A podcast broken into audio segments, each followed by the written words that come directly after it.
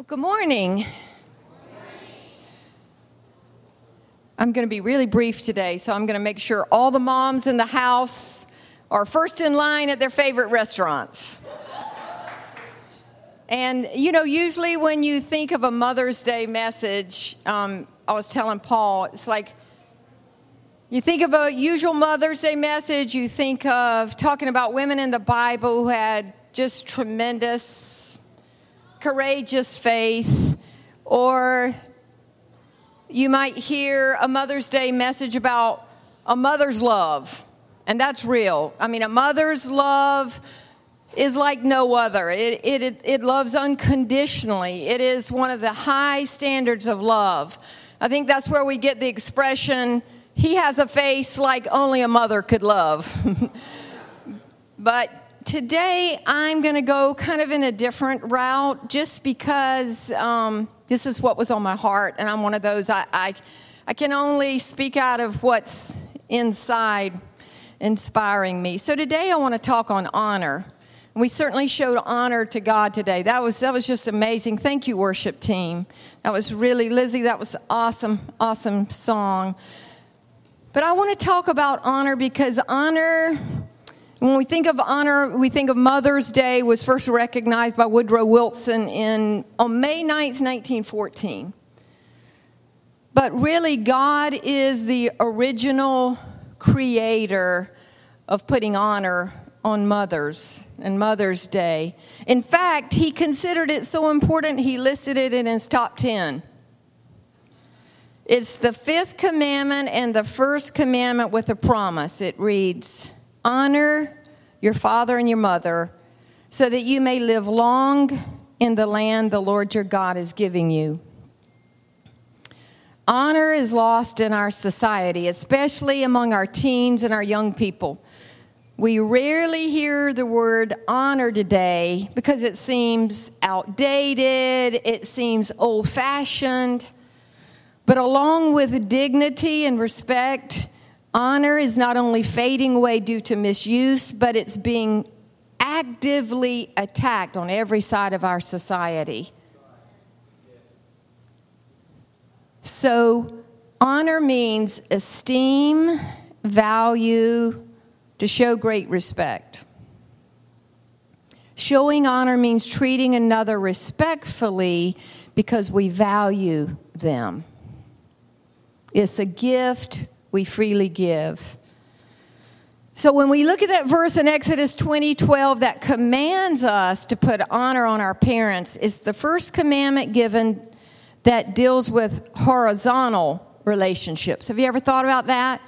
Because the first four were vertical toward God. So the fifth one is the first one relating to human relationships. So if you're thinking, uh oh, this message is about honoring, well, that's probably if you had Christian parents or you had good parents that did everything right. Surely it's not for, God wouldn't expect it if I lived in a house that was anything but honorable. But this commandment does not say to honor your father and mother if they did a good job of parenting or if they were even godly parents, it simply says put honor on your father and mother. There are no qualifiers in this commandment. Honor is a big deal to God. And we can't say, oh, well, that's Old Testament, and, you know, I'm free of living under a legalistic law. That verse happens again in the New Testament. Paul is giving guidelines to a family in Ephesians 2, um, Ephesians 6, 2 and 3, and he adds an extra part. He says, Honor your father and your mother, which is the first commandment with a promise that it may go well with you and you'll live a long life on the earth. So here we see not only will we have a long life, Old Testament, but we'll have a blessed life if we choose to put honor where God says put honor. And then the contrast of putting honor is seen in Genesis 9. This is with the sons of Noah. When Noah was drunk and was uncovered in his tent, one of his sons did nothing and instead went and told his other two brothers. And however, the other two had enough respect for their dad to go and cover him, and it represented covering his sin.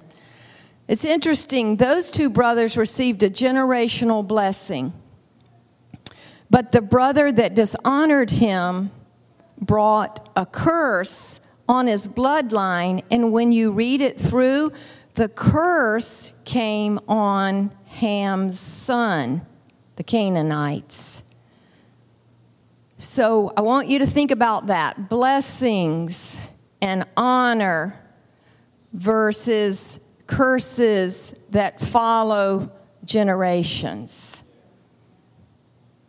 Honor is prominent throughout the scripture. The Bible exhorts us to honor first and foremost Him, those in authority, the aged, the widowed, yes, our parents. And then interesting in 1 Peter 2:17, Peter exhorts us to honor the king.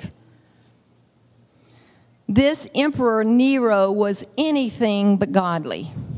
In fact, he was a perverted madman. And eventually, even he was hated by the Romans themselves. So Nero was undeserving of honor. In fact, this was a time when believers were being persecuted for their faith. So honor is not tied to our feelings. Honor is based on the fact that we are made in his image, and when we honor others, we're honoring God. Romans 12:10 says, "Outdo one another in showing honor." Can you imagine what this world would look like if we honored, if we operated out of that honor system? You outdo one another showing honor. So, honor is lived out, it's demonstrated, it's generational, it's meant to be ongoing and passed on. So, I want us to look at two passages. Um, they're probably not your typical Mother's Day passages that show what two people in the Bible who were honorable, they lived in honor, and they passed on honor. So, this first one is in Judges 4. We're going to show it on the screen. And this is the story of Deborah. By the way, somebody left their phone up here. um, so, Deborah, we know she was truly an honorable woman. And she's called a mother in the house of Israel. But she doesn't just sit around gloating in her honor. So she cares about and she carries in her heart the next generation. That's what honorable people do. So she calls this young man in verse 6. He's the commander of the Israelite army, Barak, and she instructs him to go and deploy the troops and go into battle. So he takes a thousand men with him and Barak says in verse 8, If you will go with me, then I will go. But if you will not go with me, I will not go. So maybe he doesn't feel ready. Maybe he's a little bit unsure. Maybe he feels inadequate. Maybe he lacks confidence. Certainly, he lacks experience. So he's feeling insecure, knowing he has responsibilities, but not really feeling strong enough to carry them out. You'll notice that in this next generation. They so want to be responsible. They so want to do what God's asking them to do. But maybe they just need a mom to come and walk alongside them and encourage them and counsel them and instruct them. So she recognizes this in this young man. She recognizes who he was and what he carried. And so she, being a woman of honor, comes alongside and provides strength for him. So, verse 9, she says, I'll surely go with you. And it says, Deborah arose and went with Barak. And then verse 14 it says, Deborah said to him, Up, for this is the day which the Lord has delivered the enemy into your hand. Has not the Lord gone out before you? So Barak went down from Mount Tabor with 10,000 men following him. He pursued the chariots and the army, and all the army of the enemy fell by the edge of the sword. Not a man was left. So, do you see, at first he didn't feel ready.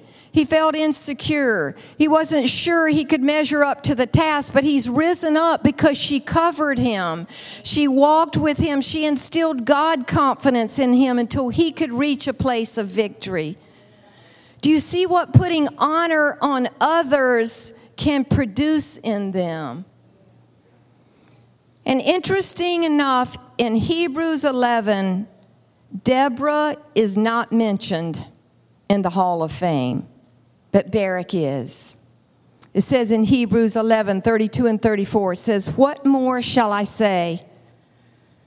For the time would fail me to tell of Gideon and Barak and Samson and Jephthah, also of David and Samuel and the prophets, who through faith subdued kingdoms, worked righteousness, obtained promises, stopped the mouth of the lions quenched the violence of fire, escaped the edge of the sword. Look at this. And out of their weakness were made strong, became valiant in battle, and turned the flight of the armies of the aliens. Do you see? When she poured into him, it caused him to go from weakness to strength. It led him into his new place of destiny and purpose. So, what does honor look like? It looks like getting outside of ourselves and caring about someone else and building them up and encouraging them and strengthening them and giving them a God confidence. See, Deborah didn't have to. She was already an honorable woman. She could have sat down and said, Thank you, Lord. I'm, I'm good. I'm good to go. But she chose to be aware of somebody else. And she passed it on. She passed on what she had. So honor's not to be kept, is to be given.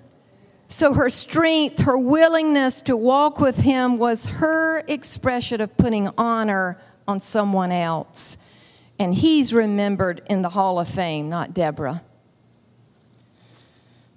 And then I want us to look at another story in 2 Samuel 9. Uh, we shared this at the women's brunch yesterday, and we had a, a good time um, in the Lord. Now, this is 2 Samuel 9. This is just a really simple um, couple of verses. It's 13 verses. It's real simple, but it's powerful. Now, David said, Is there still someone left? Of the house of Saul that I may show him kindness for Jonathan's sake.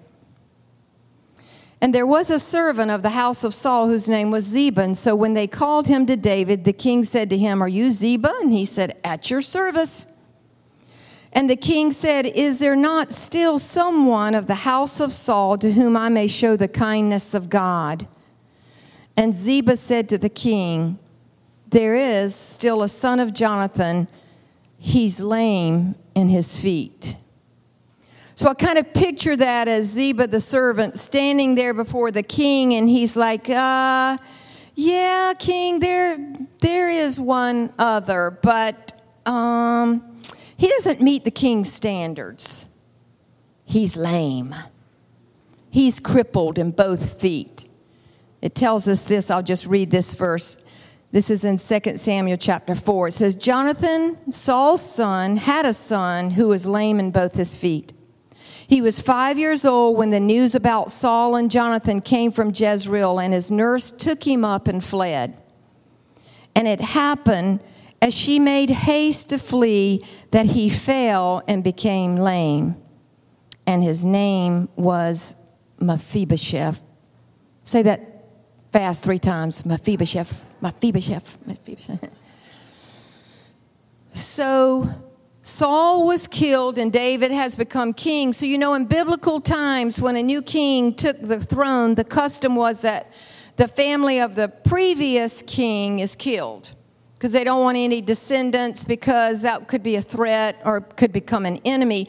So, when the news came that Saul had been killed and David is now king, the nursemaid grabs this little five year old and tries to run away. And as she's fleeing, possibly she falls and he becomes crippled. So I want you to picture this if you can. Here's a young man who was rightful heir to all the power, all the fame, all the riches, all the privileges that would normally fall to the heir of a throne. But because of the demise of his father and his grandfather, it all changed. So it says here in verse 4 So the king said to him, Where is he? And Ziba said to the king, He's in Lodabar. So he's lived all these years in exile. He's exiled to a distant land called Lodabar, and that, that word literally means a barren pasture. So he's grown up as a fugitive. Verse 5 Then King David sent and brought him from Lodabar. So Mephibosheth, he's probably spent his days living in fear, looking over his shoulder, realizing that one day the king's going to discover him bring him back to the palace and have him executed. So that day comes. David's royal entourage comes roaring up where he's living and summons him back to King David. Imagine that journey from Lodabar to Jerusalem. He's assuming he'll hear the king's orders of death, but instead, David calls him by name says verse 6 Now Mephibosheth, the son of Jonathan, the son of Saul, had come into David. He fell on his face and prostrated himself. And David said, Mephibosheth. And he answered, Here is your servant. And David said unto him, Fear not, for I will surely show kindness for Jonathan your father's sake, and I will restore to you all the land of Saul your grandfather of your grandfather, and you shall eat bread at my table continually. And he bowed himself and said, What is your servant that you should look upon such a dead dog? So, see, David wanted to show kindness. So, what does kindness look like? It looks like honor. This honor brings restoration. This honor brings an invitation to come and sit at the king's table. And he says, And you will eat at my table continually. See, this honor brings this man who sees himself as a dead dog, it brings him into his identity as a son. And he says, You will eat at my table continually. It says that four different times. And then in verse 11, it says, You will eat at my table as one of my sons. See, David didn't have to show honor. King Saul, this man's grandfather, had chased David, tried to kill him. He lived in caves for fear of his own life. But David, out of his covenant with Jonathan, chose to put honor on this man. And then the very last verse says Mephibosheth dwelt in Jerusalem, for he ate at the king's table. And then it says it again, interesting. He was lame in both his feet. So he didn't get healed physically, but he did get healed emotionally and spiritually and he got connected to the King of Kings and the Lord of Lords because one man of honor extended honor. It's a powerful, powerful concept that's been lost in our society.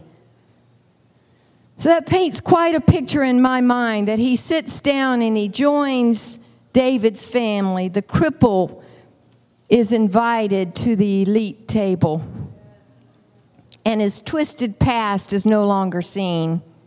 See, we were all crippled spiritually, we've all fallen short. And this is a picture of Christ's rescue, his redemption, his restoration. I love this story because it shows the heart of God.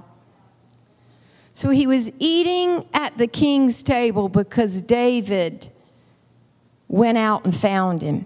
He says, I want to find someone that I can show kindness to and put honor on. So, just like David, we need to go out and be looking for the Mephibosheths. We need to find souls. He wants us to find the lame, the crippled, the castaways. It's our job to bring them to the table. And sometimes it's things that people have done to themselves.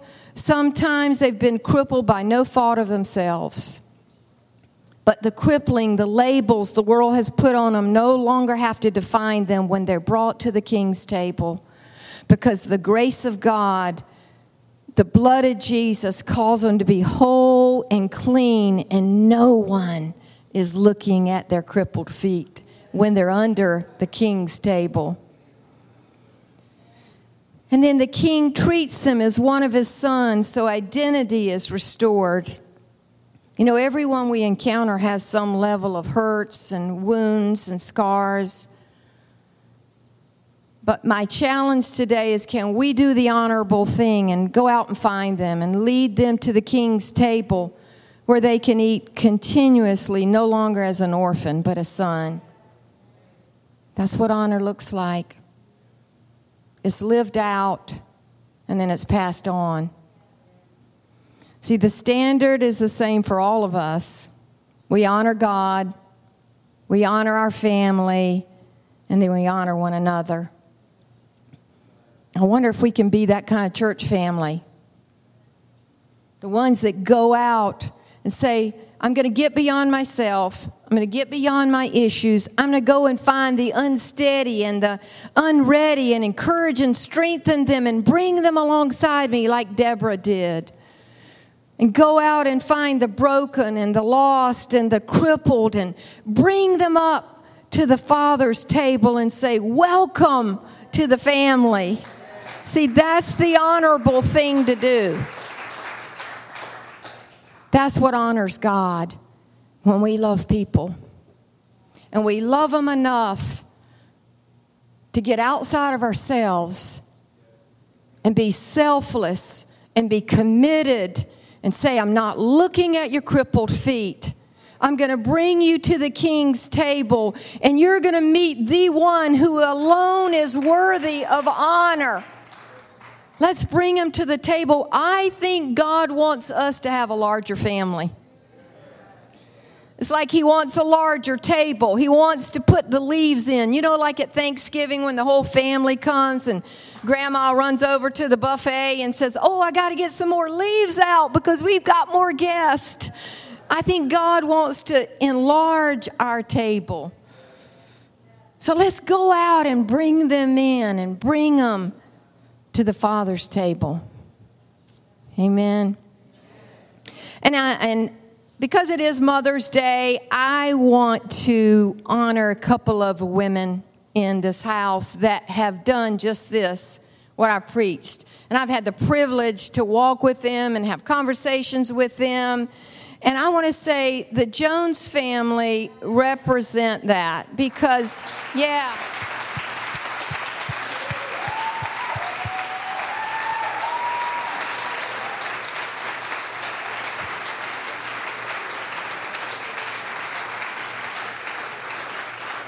You know, we talk about um, praying, a praying woman. That's certainly an aspect of the mark of a mother. And we have some praying women in our house. And we talked about that yesterday, that that should be, that goes without saying. So I'm going to say it just in case you don't think it's a value. That goes without saying. A praying mom is a powerful mom. Little prayer, little power, much power, much prayer. And you could look throughout Scripture. Moses had a praying mom. We barely know her name, but we see the fruit in Moses' life. Oh, we see Hannah literally prayed, birthed Samuel into the earth, and it says none of Samuel's words fell to the ground. Oh, that was a praying mom. And then we talked about Timothy had the privilege of having a praying mom and a grandmom. And even Apostle Paul acknowledged that. He said, I see the sincere faith of your mom and grandmom, Lois and Eunice. And so a praying mom is a powerful one. Paul has made reference to he's the fruit of a praying mom. So I never want to underestimate the power of prayer. But these women pray, and then they're doing what we're talking about today. Then we put feet to our prayers, and we begin to go out and find the lost and the hurt and the broken and the crippled and bring them to the table. And also, I want to personally honor Debbie Masson. I don't want to embarrass her.